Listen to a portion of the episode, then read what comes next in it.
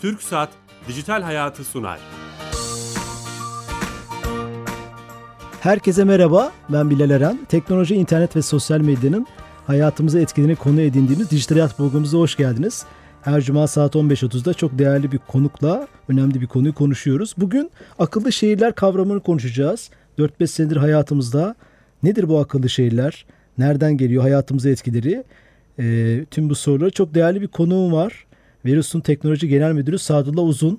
Sadullah Bey hoş geldiniz. Hoş bulduk. Teşekkür Nasılsınız? ediyorum. Sağ olun. Teşekkür ediyorum davetiniz için de. İyi yayınlar diliyorum. Sağ olun. Umarım çok güzel bir yayın olacak örneklerimizde. Çok da güncel bir konu. Bakalım neymiş bu teknolojiyi öğrenmeye çalışacağız. Ama öncesinde sponsorumuz TürkSat, TürkSat'a bağlanıyoruz.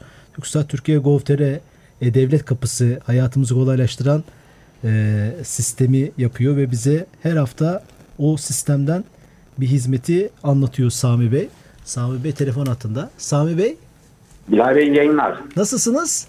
Teşekkürler sağ olun sizler de iyisiniz. Sağ olun. Hoş geldiniz yayınımıza. Ee, Teşekkürler. bu hafta hangi özelliği bize anlatacaksınız? Evet bu hafta aslında E-Devlet Kapısı nedir? O hizmetler hani E-Devlet Kapısı dediğimiz hizmetleri nasıl kullanıyoruz? Nasıl kullanabiliriz? Kısaca ondan bahsedeceğim. Tamam. Ee, E-Devlet Kapısı dediğimiz aslında bir web sitesi adresi. Türkiye.gov.tr adresinden erişilebiliyor. Ee, aynı zamanda mobil uygulamalarımız da var bildiğiniz gibi.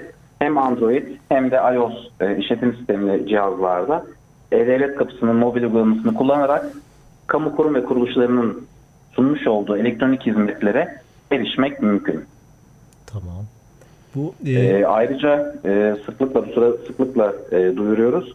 E, Yüksek Seçim Kurumu'nun e, hizmetlerini de E-Devlet Kapısı'ndan sunuyoruz bildiğiniz gibi. Seçim takvimini e, takip ederek E-Devlet Kapısı'ndaki bu hizmeti e, düzenli olarak güncelliyoruz. Kullanıcılarımız, vatandaşlarımız da bu hizmeti kullanarak e, takip edebilirler Yüksek Seçim Kurumu hizmetlerini. evet seçim öncesi çok önemli hizmet. Bu yüzden ne kadar teşekkür etsek az. Tüm o askıdaki listeleri, detayları, seçmen bilgilerini e-devlet üzerinden görebiliyoruz. Önemli Evet. bir şey. Bunu duyurmuş olduk. Geçtiğimiz haftalarda duyurmuştuk. Teşekkür ediyoruz. Ben teşekkür ederim. İyi yayınlar. Sağ olun tüm ekibe selamlar. Evet TürkSat'a da bağlandık. Önemli bir hizmeti e, duyurmuş olduk. Yeni açan dinleyicilerimizin tekrar edeceğim. Akıllı şehirleri konuşacağız. Teknolojilerin örneklerini. Çok değerli bir konum var. Verisun Teknoloji Genel Müdürü Sadullah Uzun.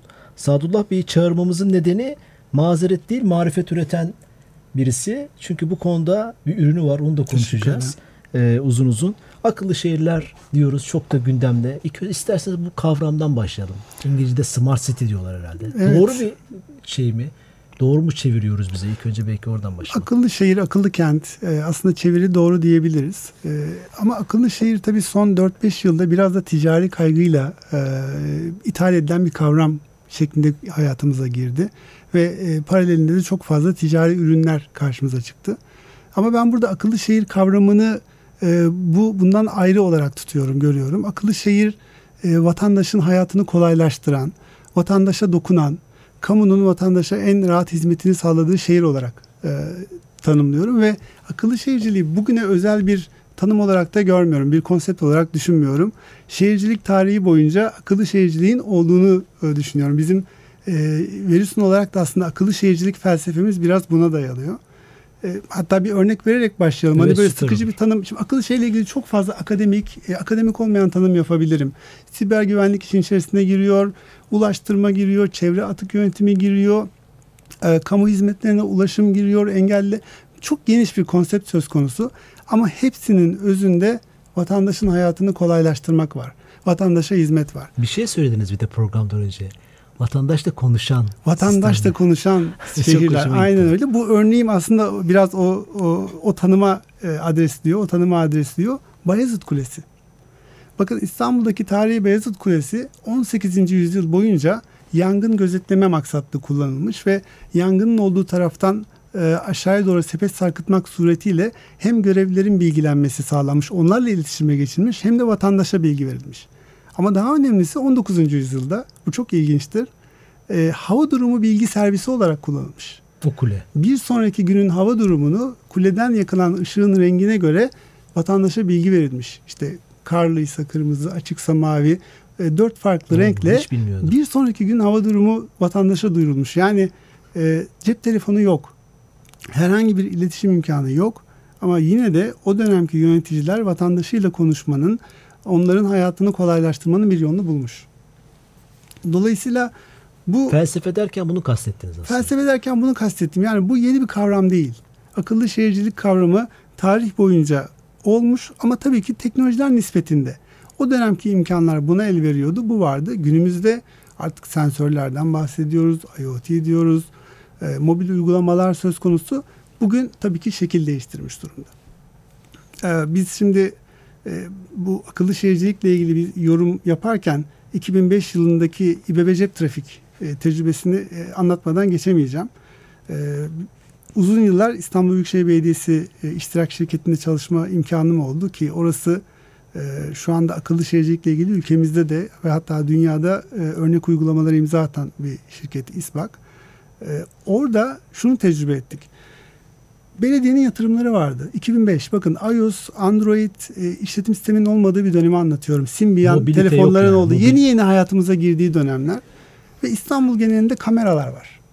Sensörler var ve bir trafik kontrol merkezinde işte oradaki yöneticilerin takibinde bu. Fakat o yıl İBB Cep Trafik uygulaması çıktı. Bu uygulama sayesinde bir anda tüm bu bilgiler milyonlarca vatandaşın önüne sunuldu.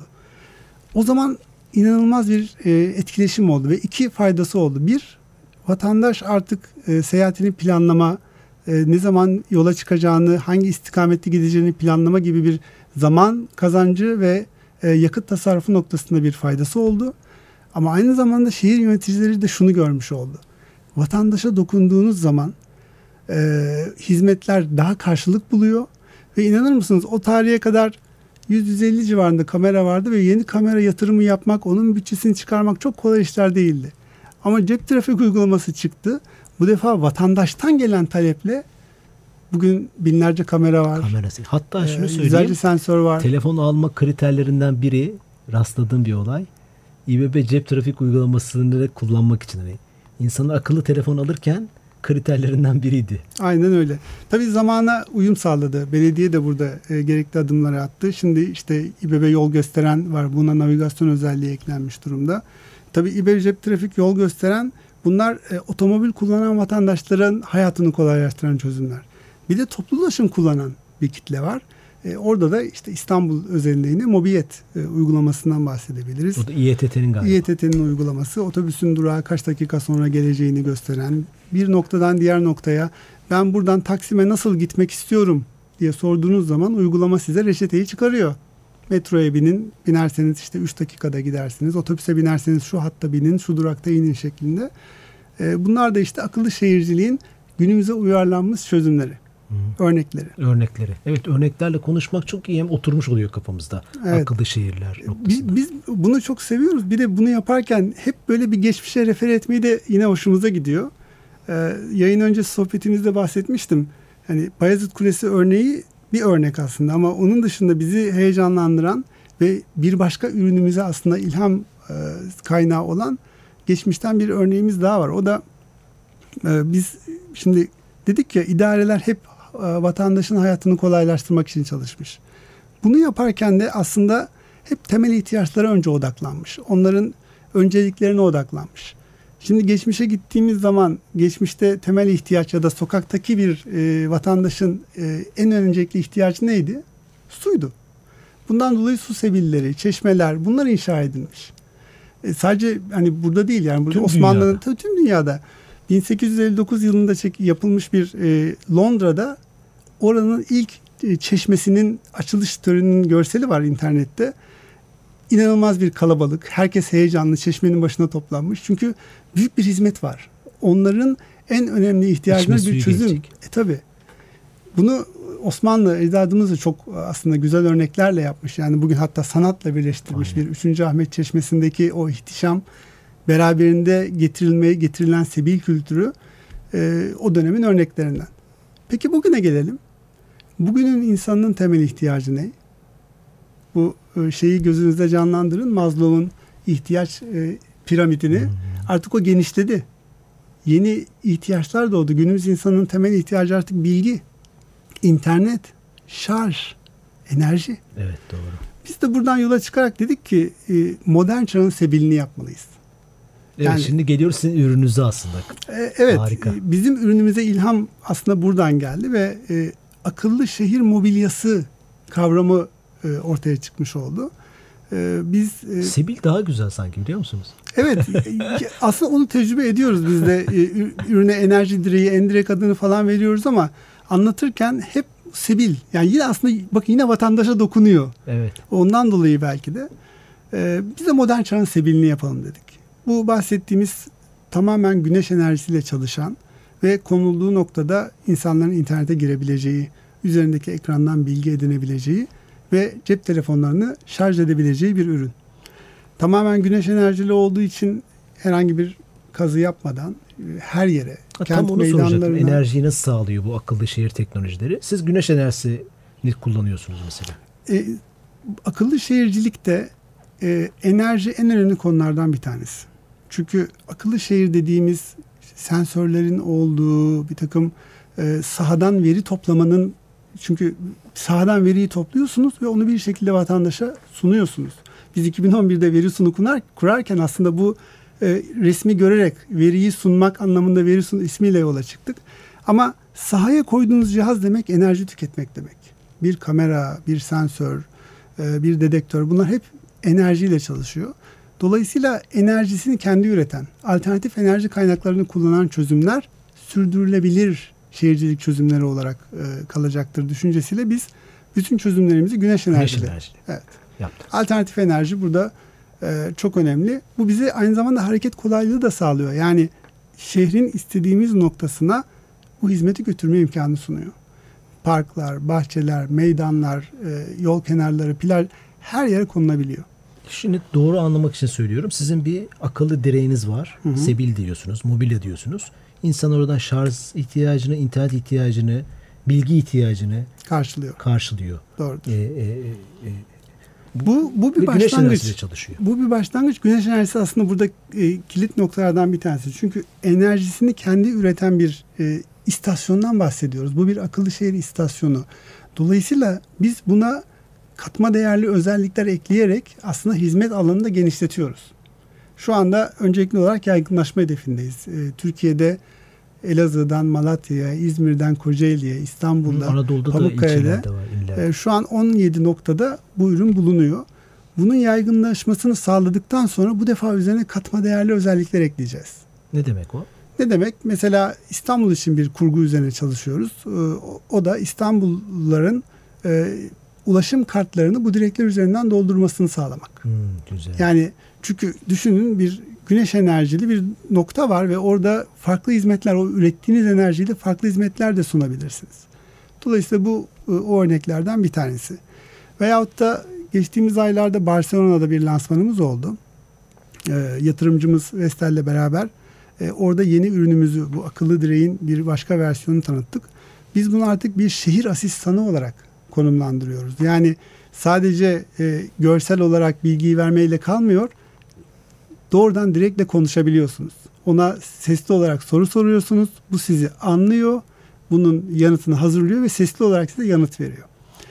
Ee, şimdi bu lansman çok ilgi çekti. Çünkü bu lansmanda biz şu senaryoyu koşturduk. İşte şehir havalimanına nasıl gidebilirim? Size yanıt veriyor. Şu otobüse binip gidebilirsiniz. Otobüs 20 dakika sonra gelecek. Bir Ee, yapay zeka var. ama. Yapay zeka var. Ama acelem var benim. Bana taksi çağırır mısın? Dediğinde bu defa direkt ir- merkezle irtibata geçip taksi çağırıyor ve e, taksiye ulaşabiliyorsunuz. Bu bu demo çok ilgi çekti ve şu anda e, hem e, uluslararası taksi e, işletmeleriyle bu anlamda e, dünya genelinde bir iki demo çalışması yapma üzerine çalışmalara başladık. Alışveriş merkezlerine belli noktalara kurulacak akıllı direklerde taksi çağırma özelliği e, geliyor olacak. Dolayısıyla bu tür katma değerli özellikler yani şu an e, sizle sohbet ederken bile hani bir sürü Bir fikirler sürü şey. çıktı. Şimdi siz dünyayı da görüyorsunuz. Dünya örnekleri nasıl? Mesela Barcelona'ya gitti. Orada herhalde bir etkinliğe katıldınız. Orada Mobile World Congress etkinliğine katıldık ki hani bu anlamda Avrupa'nın en büyük e, fuarı. E, ülkemiz adına sevindirici şunu söyleyebilirim.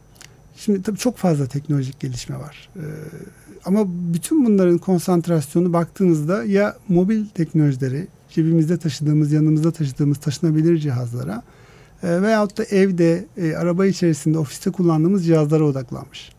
Biz dış ortamda, parkta, bahçede, meydanda bu teknolojiyi uygulayan tek firmaydık. Hmm, Ve- önemli bir boşluk. Ve çok, çok e, önemli bir boşluk ve bu bu boşluğu dolduruyor olmamız hakikaten e, yabancı e, yatırımcıların ve yabancı ziyaretçilerin de çok ilgisini çekti.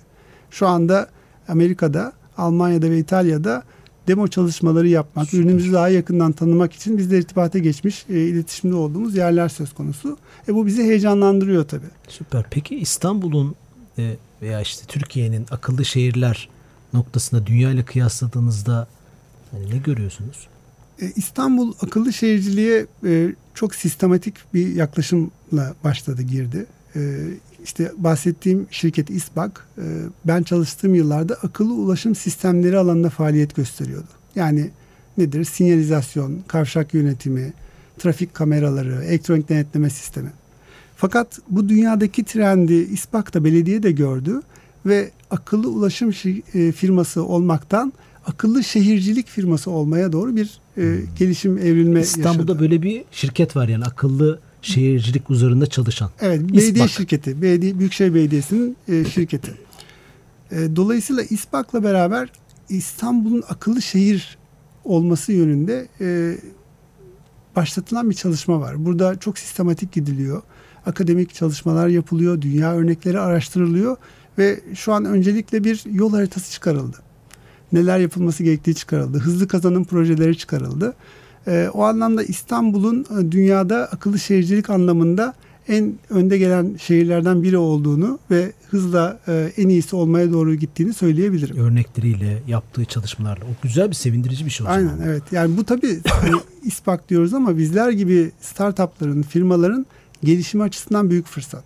Çünkü bizler ürün yaptığımız zaman buralara götürüyoruz veyahut da e, birlikte yurt dışında sunum yapma, lansman yapma imkanımız oluyor. Satabileceğiniz bir kurum, bir alan olmuş oluyor değil mi Aynen sizin öyle. içinde? Aynen öyle. Bu konuda Bu, bu ekosistemle beraber zaten aslında hani bilişim teknolojilerinin gelişmesi de biraz buna bağlı.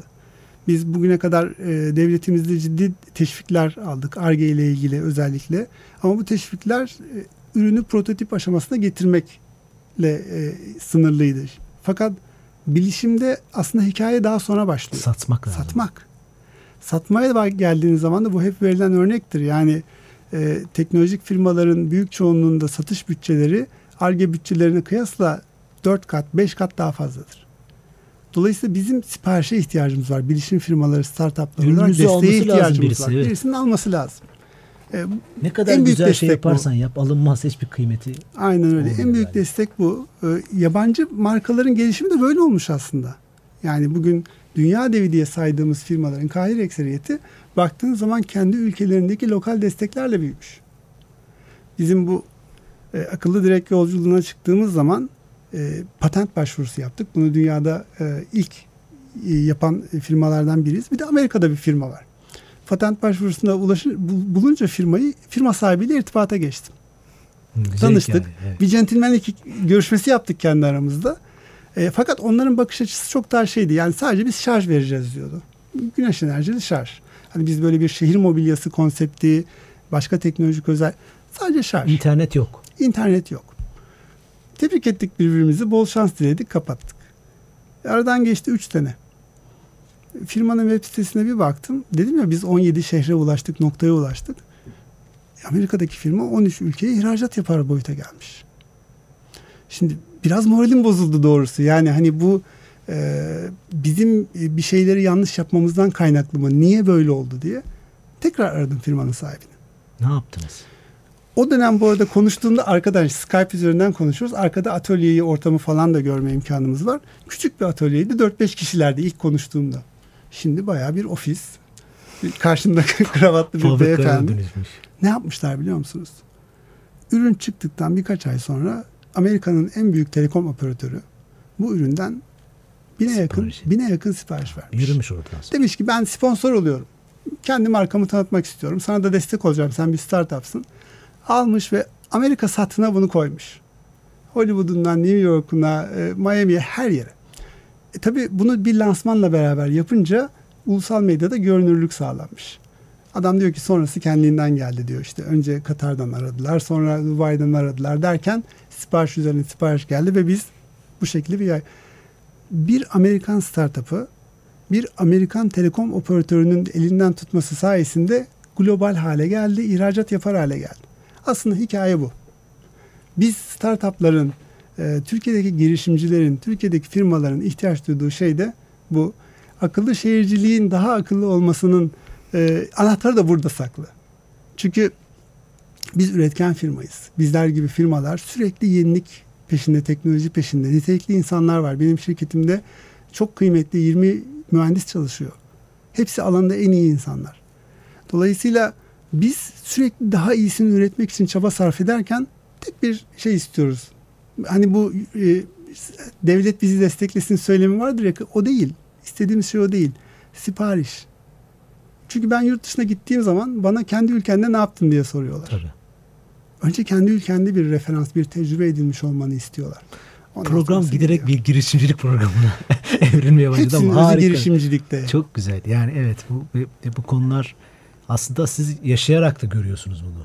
Anlattığınız örnekte. Aynı anda başladınız. Birisi ulus, uluslararası bir firma oldu. İnşallah siz de e, bu yolda ilerliyorsunuz. Şunu anlıyorum o zaman tüm bu şeylerden, konuşmalardan, akıllı şehir konseptinden bilginin vatandaşın hayatına hayatını kolaylaştıracak şekilde işleyen makinelerin, yazılımların, kameraların neyse artık bunun ismi değil mi? Hizmetlerin çoğalması. Şehir insanının hayatını kolaylaştırmak. Kolaylaştırmak. Mesela Özü bir belediyemiz şöyle bir şey okumuştum. Siz daha iyi bilgi verirsiniz belki. Çöp toplama ile ilgili bir e, proje yapmış. E, her çöp töp e, tenekesine bir sensör koymuş ve çöp tenekesi dolunca e, araç evet. o sokağa, o caddeye neyse giriyor. O görünen boyutu. Bir de mesela o sistemi kurmanın şöyle bir avantajı var. E, çöp kamyonları rotasını buna göre belirliyor. Hmm, o da güzel. Yani boş çöp kovasının olduğu yere gitmiyor. Ne demek bu? Yakıt tasarrufu demek. Trafik demek. Trafik şey demek. Demek. Gürültü tasarrufu demek. Yani tek, tek boyutta bakmamak lazım. Gün sonunda aslında şehircilikte, şehir yönetiminde hani yönetimin bir ilkesi vardır. Bilmediğinizi yönetemezsiniz. Ölçmediğinizi de bilemezsiniz. Çok güzel. Evvela ölçmek lazım. Bunun için de e, başta İstanbul olmak üzere aslında ülkemizde tüm şehirleri sensörlerle donatmak lazım. IoT dediğimiz nesnelerin interneti kavramını daha fazla yaygınlaştırmak lazım. Ama bunu yaparken e, o cep trafik örneğinde olduğu gibi ya da işte akıllı direk örneğinde olduğu gibi vatandaşa dokunmayı da ihmal etmeden yani vatandaşın somut faydasını gördüğü işlerde inanılmaz bir kabulü var. Ve desteği söz konusu. E, dolayısıyla bu noktada gelişme sağlanacaksa böyle bir etkileşimle e, ancak olabilir. Şeyi soracağım son bölümde. E, vatandaş peki bu konuda nasıl talepkar olabilir veya vatandaş bu işin nasıl farkında olabilir? Sanırım bir STK da var bu konuda. Siz de yönetimdesiniz. Ee, Türkiye Akıl Ulaşım Sistemler Derneği. Sizin Evet, Auster adında bir dernek kuruldu Ulaştırma Bakanlığı himayesinde. Ee, ben de 20 kurucu üyesinden bir tanesiyim. Şimdi Akıl Ulaşım Sistemleri Derneği'nin aslında e, konsantrasyonu ulaşımda bu akıllı teknolojileri daha da yaygınlaştırmak. Ülke satına yaymak. Yani e, şimdi cep trafik diye konuşuyoruz ama bu İstanbul. Diğer şehirlerimizin de benzer hizmetlerden faydalanması, yapılan şehirler arası yollarda bu teknolojilerin adapte edilmesi. Burada mesela kaza uyarı sistemi gibi yani hayatımızda çok fazla duymadığımız bir sürü sistemler var. Kazayı otomatik algılayan ve ambulansa otomatik haber veren sistemler var. Ve bunları artık Avrupa hatta Rusya'nın da dahil olduğu ekosistemlerde e-call adı altında bir projeyle ülkeler arası çalışır hale getiriyorlar. Yani bir Rus vatandaşı kendi otomobiliyle Avrupa'nın herhangi bir şehrinde ıssız bir yerde dahi kaza yapsa otomatik olarak algılayıp o noktaya ambulans gönderebilecek bir teknolojik çalışma söz konusu. Bunu nasıl yapıyor bu ülkeler? Ee, incelediğimizde gördük ki her ülkenin akıllı ulaşım sistemleriyle ilgili kurmuş olduğu zamanda 90'lı yıllarda e, kurmuş olduğu dernekler var. E, ITS adını veriyor onlar. Intelligent Transportation Systems. E, buradan hareketle Ulaştırma Bakanlığımız öncülük etti ve e, Auster'i, Türkiye ITS Türkiye'yi diyelim e, kurmuş olduk. Biz de aslında burada ITS Türkiye ile Auster'le beraber yapmak istediğimiz şey bu uluslararası projelerde Türkiye'nin de dahil Ağın olmasını sağlamak. Girmek. Ahın içine girmek. O zaman bu, bu dernek biraz kamuya Bu işi üretenlere yönük. Peki vatandaşa yönük ne yapılabilir? E, bu derneğin yaptığı çalışmaların sonuçları vatandaşa doğrudan aslında hizmet eder pozisyonda oluyor. E, çünkü bu dernek üniversiteleri, e, otomotiv sanayini, e, ITS üreticilerini, kamu kurumlarını hepsini bir arada toplayan bir çatı kuruluş. Bu ne anlama geliyor vatandaşa yansıyan tarafı? Bu standartizasyon demek. Hani Başbakanımız da lansmanını yaptı. İşte tüm Türkiye'de kullanılacak bir ulaşım kartı. Biz şu anda İstanbul'da ayrı kart, İzmir'de ayrı. Doğru. Bu işte Avrupa'nın da konuştuğu bu aslında. Yani interoperability dedikleri her yerde e, sistemin geçerliliğini Çok sağlayacak. güzel olur ama öyle bir şey. ihtiyaç var. İşte vatandaşa dokunan noktalar burada. Bu hizmete girdiğinde o zaman zaten memnuniyet ve vatandaşın kabulünü gören yöneticiler bunun daha da genişletilmesi ya bu sadece ulaşımda değil işte farklı harcamalarda da kullanılsın şeklinde yaygınlaşması da olacak. Bu etki tepki meselesi. Akıllı şehircilik, akıllı vatandaş, akıllı yöneticilik hepsi bir arada olan bir şey ve beraber gelişecek. Evet şey de önemli akıllı vatandaş kavramı. Değil mi? Evet. Akıllı vatandaş da akıllı şehirciye katkıda bulunacak. Yani Bu konuda aslında sizi mesela sizin bir blogunuz var mı? Sizi takip edebilir mi insanlar? Bu konuda Ee, bir Verisun. Teknoloji'nin e, Verisun et Verisun isimli Twitter e, şeyi var, e, hesabı var. Aynı zamanda verisun.com web sitemiz var. Buradan takip edebilirler gelişmeleri. E, bunun dışında da e, işte LinkedIn'de ve Facebook'ta paylaşımlarımız söz konusu. sizin de Twitter'ınızı duyurmuş Benim de olalım. Twitter'ım Sadullah Uzun. E, Bu tip bitişik. paylaşımlar yaparsanız hem bizim Ben bunu olabildiğince yapmaya gayret ediyorum ve benim paylaşımlarımda e, teknolojik gelişimler sadece akıllı şehircilikle sınırlı değil, blok zinciri de dahil e, birçok teknolojik gelişimlerden e, bahsetmeye çalışıyorum. çok teşekkürler. Vaktimizin sonuna geldik, bitirdik. Çok keyifli bir sohbet oldu. Haftaya yeni konu Ben ve konuklarla beraber olacağız. Ee, iyi hafta sonları, hoşçakalın.